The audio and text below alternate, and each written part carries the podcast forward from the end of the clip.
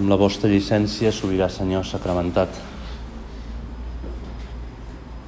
Aquest diumenge passat escoltàvem una pregunta de Simó Pere a Jesús, molt interessant. En aquell temps, Pere preguntar a Jesús, Senyor, quantes vegades hauré de perdonar al meu germà el mal que m'ha fet? Set vegades? Jesús li respon, no et dic set vegades, sinó setanta vegades set. Poc abans, Jesús ha animat els apòstols a corregir delicadament aquells que s'equivoquen fent la correcció fraterna – quan algú fa una cosa malament, cal corregir-lo amb tendresa. En aquest context, a Simó Pere li ve aquesta pregunta. Quan algú et fa mal, s'ha de corregir amb tendresa, però quan algú fa mal, què, què ets de fer jo, no? Quants cops hauré de perdonar el meu germà? Segurament no es refereix al pobre Andreu, el seu germà de sang, perquè Andreu precisament era el que l'havia costat a, a Jesús.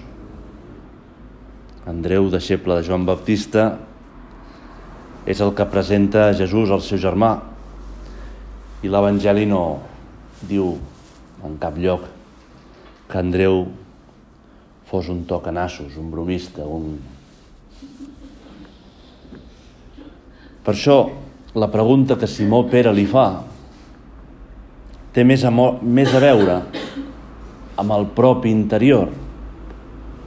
Quan rebem una ferida, quan ens fan una cosa que ens molesta, quan ens agradeixen, quan violenten el nostre espai aeri, no? Els efectes que una ferida tenen a dins nostre. Les coses ens afecten, som humans, som sensibles. Provoquen una separació, un dolor, que són sentiments normals. Però, sovint, amb aquests sentiments, també apareixen uns sentiments més desordenats, rancúnia, enveja, recel, ressentiment, amargor, rebuig, venjança, desig de venjança. I és molt interessant separar bé les coses. Perquè moltes vegades els donar-se juntes les barregem. És normal que l'agressió exterior, la falta de respecte, el mal que em fan, provoqui una separació, provoqui una distància, un dolor, Però després també hi ha molts sentiments dins el nostre cor que surten de l'orgull, que surten de la vanitat ferida, que surten de les expectatives que teníem, potser el nostre egoisme, la nostra comoditat, de el nostre estatus quo aconseguit àrduament amb els anys. Podríem dir que hi ha uns sentiments que aprofiten la realitat d'un mal per treure el cap, per sortir del cau, com un ratolí que surt d'on està amagat.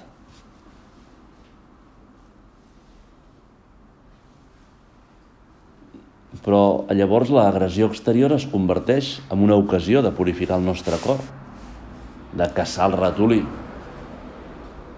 que no sabíem on estava.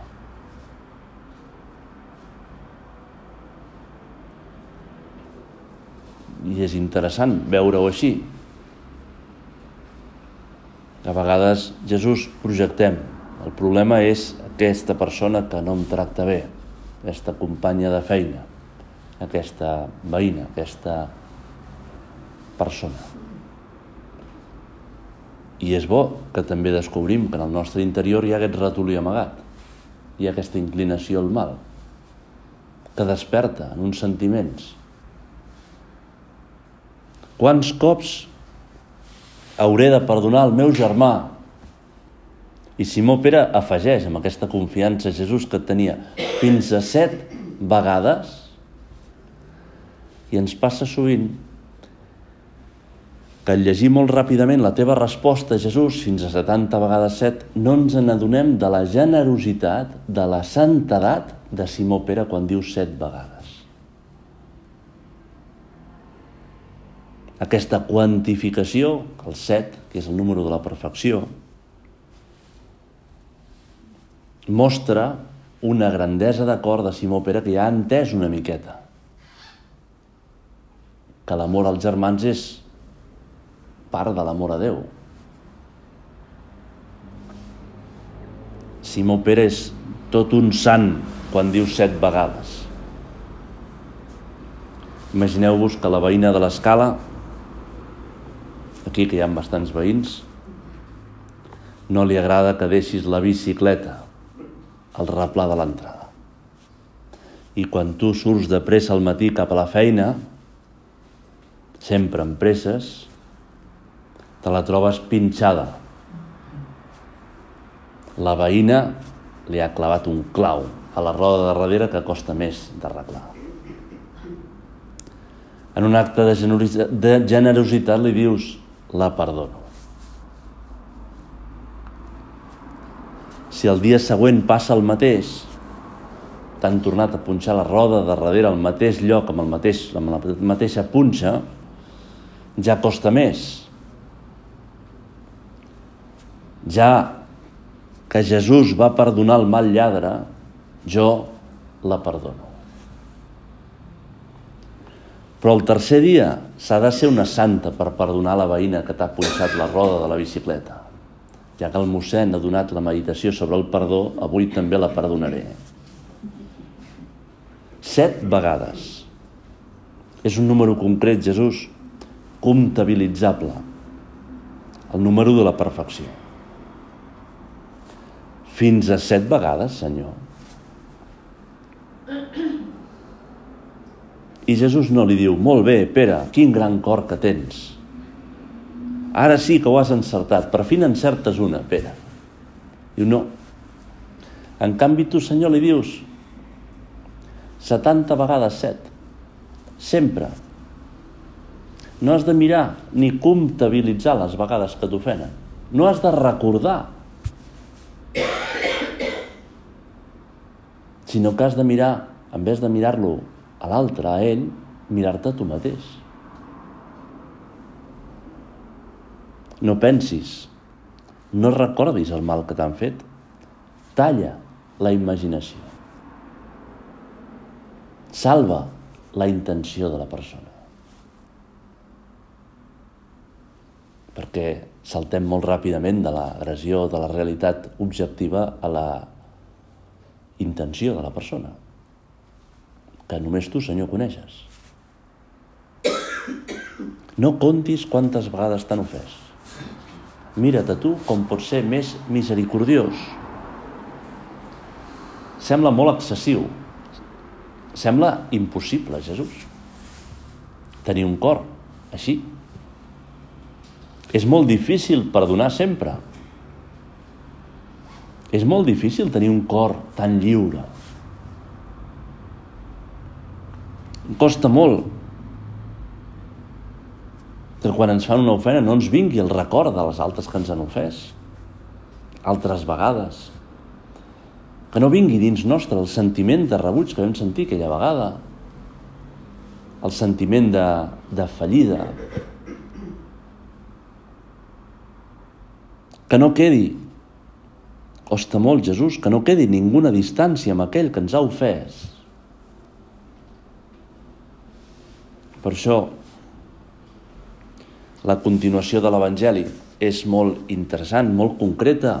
Un rei que perdona el deute desproporcionat, desproporcionat del seu súbdit, quan aquest li, li implora misericòrdia t'ho pagaré. Deixa'm més temps i t'ho pagaré. Conmogut, el rei amb un sentiment interior de, de misericòrdia. Li perdona tot el deute. En canvi, aquell súbdit, quan el seu servent li demana que li perdoni el petit deute que té, la petita cosa que li deu, no té un sentiment de misericòrdia en el seu cor.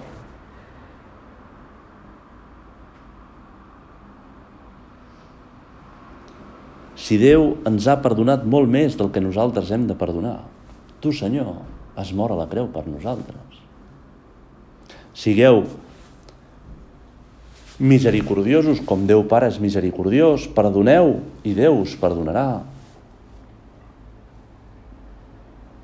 Quan em costi Jesús perdonar, quan em torni al cap aquesta ofensa que m'han fet, quan sentin al meu cor una distància amb aquesta persona, que pensi, Jesús, amb tu, amb el que tu m'has perdonat. Que pensi en com en el teu cor sorgeixen sentiments de misericòrdia, i que ja que tu vius Jesús a dins meu, també sorgeixin a mi més sentiments de misericòrdia. Que com la onada borra els forats de la sorra, també borri les mancances del meu cor, els sentiments del meu cor que no van bé. Quan em vingui al cap el record d'una ofensa la distància amb una, les ganes de separar-me. Que m'inundi aquesta onada de misericòrdia, Senyor. Ajuda'm, Jesús. Dóna'm la teva gràcia per perdonar. A vegades, Senyor, volem. Ho lluitem, ens ho tornem a proposar. Però sembla que el nostre cor s'arrossegui. Sembla que Lutero s'aixequi de la seva tomba i ens diguis que està corromput el teu cor. Sembla que el cor s'enfonsi en el propi rancor, que aquesta ferida, aquesta marca a la sorra de la platja sigui imborrable. Llavors hem de demanar amb força la teva gràcia, Senyor, per purificar el nostre cor hem de lluitar per purificar-nos, hem d'esforçar-nos més, tallar més, mortificar més interiorment els pensaments, fer més detalls d'humilitat, de servei. Quantes vegades podem ser gran, capaços de grans sacrificis exteriors i no tallem un mal pensament, un record, un comentari, una crítica, I hem de ser molt sincers, Jesús, amb nosaltres mateixos. El problema no és l'agressor. Teu cor no té ninguna separació amb el mal lladre, encara que no vulguis ser perdonat. El problema és la supèrbia del meu cor, la ferida que s'ha despertat. Som sensibles, ens afecta la realitat exterior, i això és una virtut, ser sensibles. El que ens fan, patim, però hi ha sentiments en el nostre interior que hem d'educar, que hem de corregir. Suposo que us ha passat a vosaltres alguna vegada, a mi. A vegades una persona que t'agradeix, una persona que et fa un mal, una persona que et maltracta, després t'expliquen que està patint una situació difícil, t'expliquen més detalls de la seva vida concreta, el malalta que està, el troba, el sola que es troba, el que ha patit en el seu passat i la ferida es suavitza, es suavitza perquè t'enterneixes amb aquella persona, perquè, pobra, si a mi m'hagués passat això, Jesús, estaria pitjor.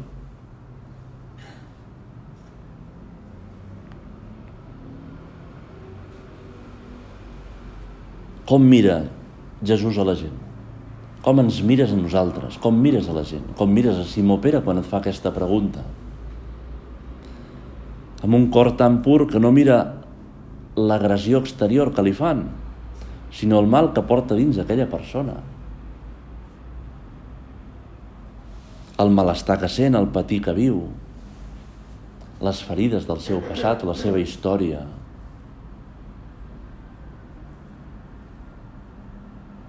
Ara es fa servir molt la paraula tòxica.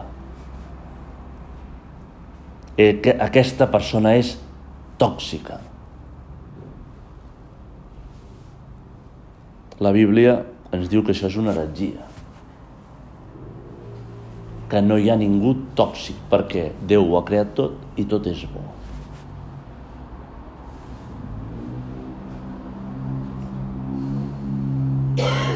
Hi ha gent ferida, hi ha gent que no se sent estimada, hi ha gent que molts cops no s'estimen a si mateixos.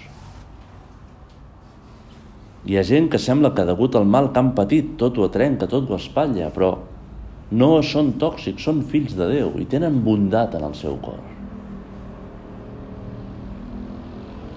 I amb amor, amb carinyo, amb tendresa, podem arribar al fons del seu cor. Podem arribar a curar-la. Precisament el perdó és la millor manera d'estimar. Ser capaços, Jesús, com tu ets capaç de fer amb nosaltres, comprendre l'altre amb les seves debilitats, abraçar-lo amb les seves limitacions.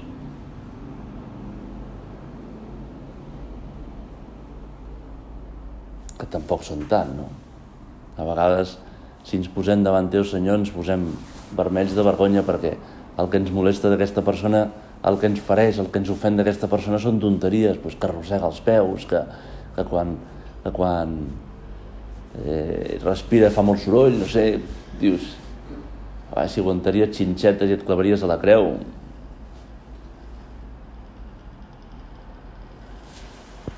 Però ens costa. Ens queda donar un últim pas en aquesta meditació, Jesús. I en certa manera és una miqueta un salt mortal a la piscina, no? en el trampolín de la piscina.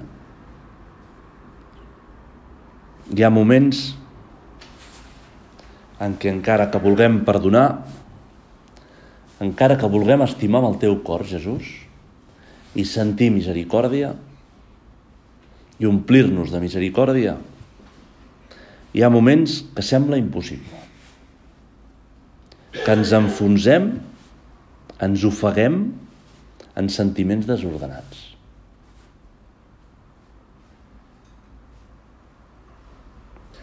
L'episodi de Simó Pere, caminant damunt les aigües, ens pot ajudar a entendre la necessitat d'ajuda, de l'ajuda divina per perdonar, per estimar, per ser misericordiosos com Déu és misericordiós.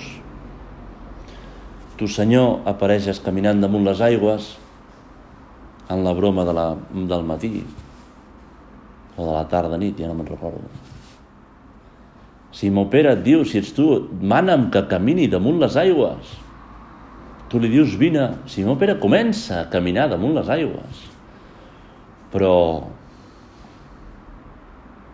al final no pot. Quan el mar s'esvera pel vent i l'apòstol deixa de mirar-te, Jesús, s'enfonsa. S'enfonsa. I és que caminar damunt les aigües és una cosa impossible. I a vegades també sembla que sigui impossible netejar el nostre cor de les ferides. No depèn de la tàctica ni de la lluita per aconseguir-ho. Es necessita confiar en Déu, creure en la força de l'Esperit Sant que és capaç de transfigurar el nostre cor. En el nostre cor sembla impossible a vegades perdonar. Ens enfonsem, ens ofeguem. Sorgeixen a dins nostres sentiments d'amargor, de venjança, de rebuig, de ressentiment, d'enveja, Ho hem intentat tot. Hem caminat damunt les aigües, però ens enfonsem. Llavors, ens hem de posar de genolls i suplicar a Déu que sigui ell el que els transformi en tendresa, Hem d'aixecar el cap, Jesús, una altra vegada. Mirar-te, demanar-te aquesta gràcia. Perquè és precisament quan arribem a aquesta buidor de les pròpies forces, quan ja ho hem fet tot, quan ja no queda res per donar, quan Déu ens omple, que ja no som nosaltres els que perdonem. Ets tu que perdones en nosaltres. Al final descobrim això que és Crist qui estima en nosaltres, qui perdona en nosaltres. D'una manera inefable però real descobrim que és Jesús el que estima els nostres germans a través nostre. Aquest enfonsament, la nostra pròpia debilitat, la nostra incapacitat de perdonar, i la posterior apertura radical a Déu es converteix en experiència del que diu Sant Pau. No sóc jo el qui viu, sinó que Crist viu en mi. Ets tu, el Senyor, el que ha de transfigurar-me, el que ha de viure en mi, el que ha de perdonar. Quan més costa perdonar, més poder sembla que tingui el Banyetes per desanimar-nos, per desesperar-nos, per enfonsar-nos. I llavors és quan més fortament hem d'aixecar la mirada al Senyor i dir, ajuda'm, perdona tu amb mi, perquè jo no puc. Purifica tu el meu cor, perquè sembla que jo no ho aconsegueixo.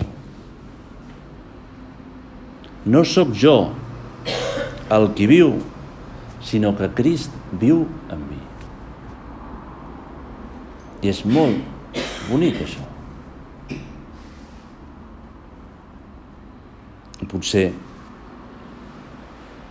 unes paraules de Santa Teresa, Tereseta del nen Jesús ens poden ajudar. Ella també li costava la convivència amb altres persones. Ella lluitava molt unida a tu, Jesús. Va escriure això. Ah, Senyor, sé que no ens maneu mai res impossible. Coneixeu millor que jo la meva debilitat, la meva imperfecció. Sabeu prou bé que mai podria estimar els meus germans com vos els estimeu. Si vos mateix, oh estimat Jesús, no els estiméssiu a ells a través meu.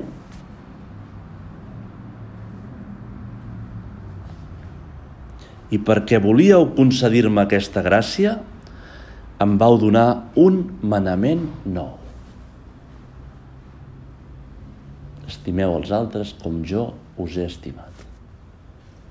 Aquest com és molt interessant. Oh, quan me l'estimo aquest manament? Perquè em dóna la certesa de que vos voleu estimar en mi a tots els que em maneu estimar. Ets tu, Jesús, qui estimes en mi.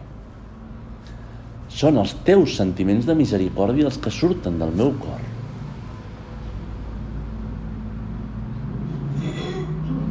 I per arribar aquí, tu permets, Jesús, moltes vegades, aquesta lluita descarnada per perdonar que ens costa tant. Que sembla tan difícil. Aquesta veïna que em punxa la roda de la bicicleta 70 vegades 7. Acabem mirant a la Mare de Déu. Que ens doni un cor a la mesura del seu fill. Que sapiguem estimar i perdonar en Jesús i amb Jesús. I encara millor dit, que obrim el nostre cor com va fer ella, a la gràcia de l'Esprit Sant, i que li deixem a Jesús estimar i perdonar en nosaltres.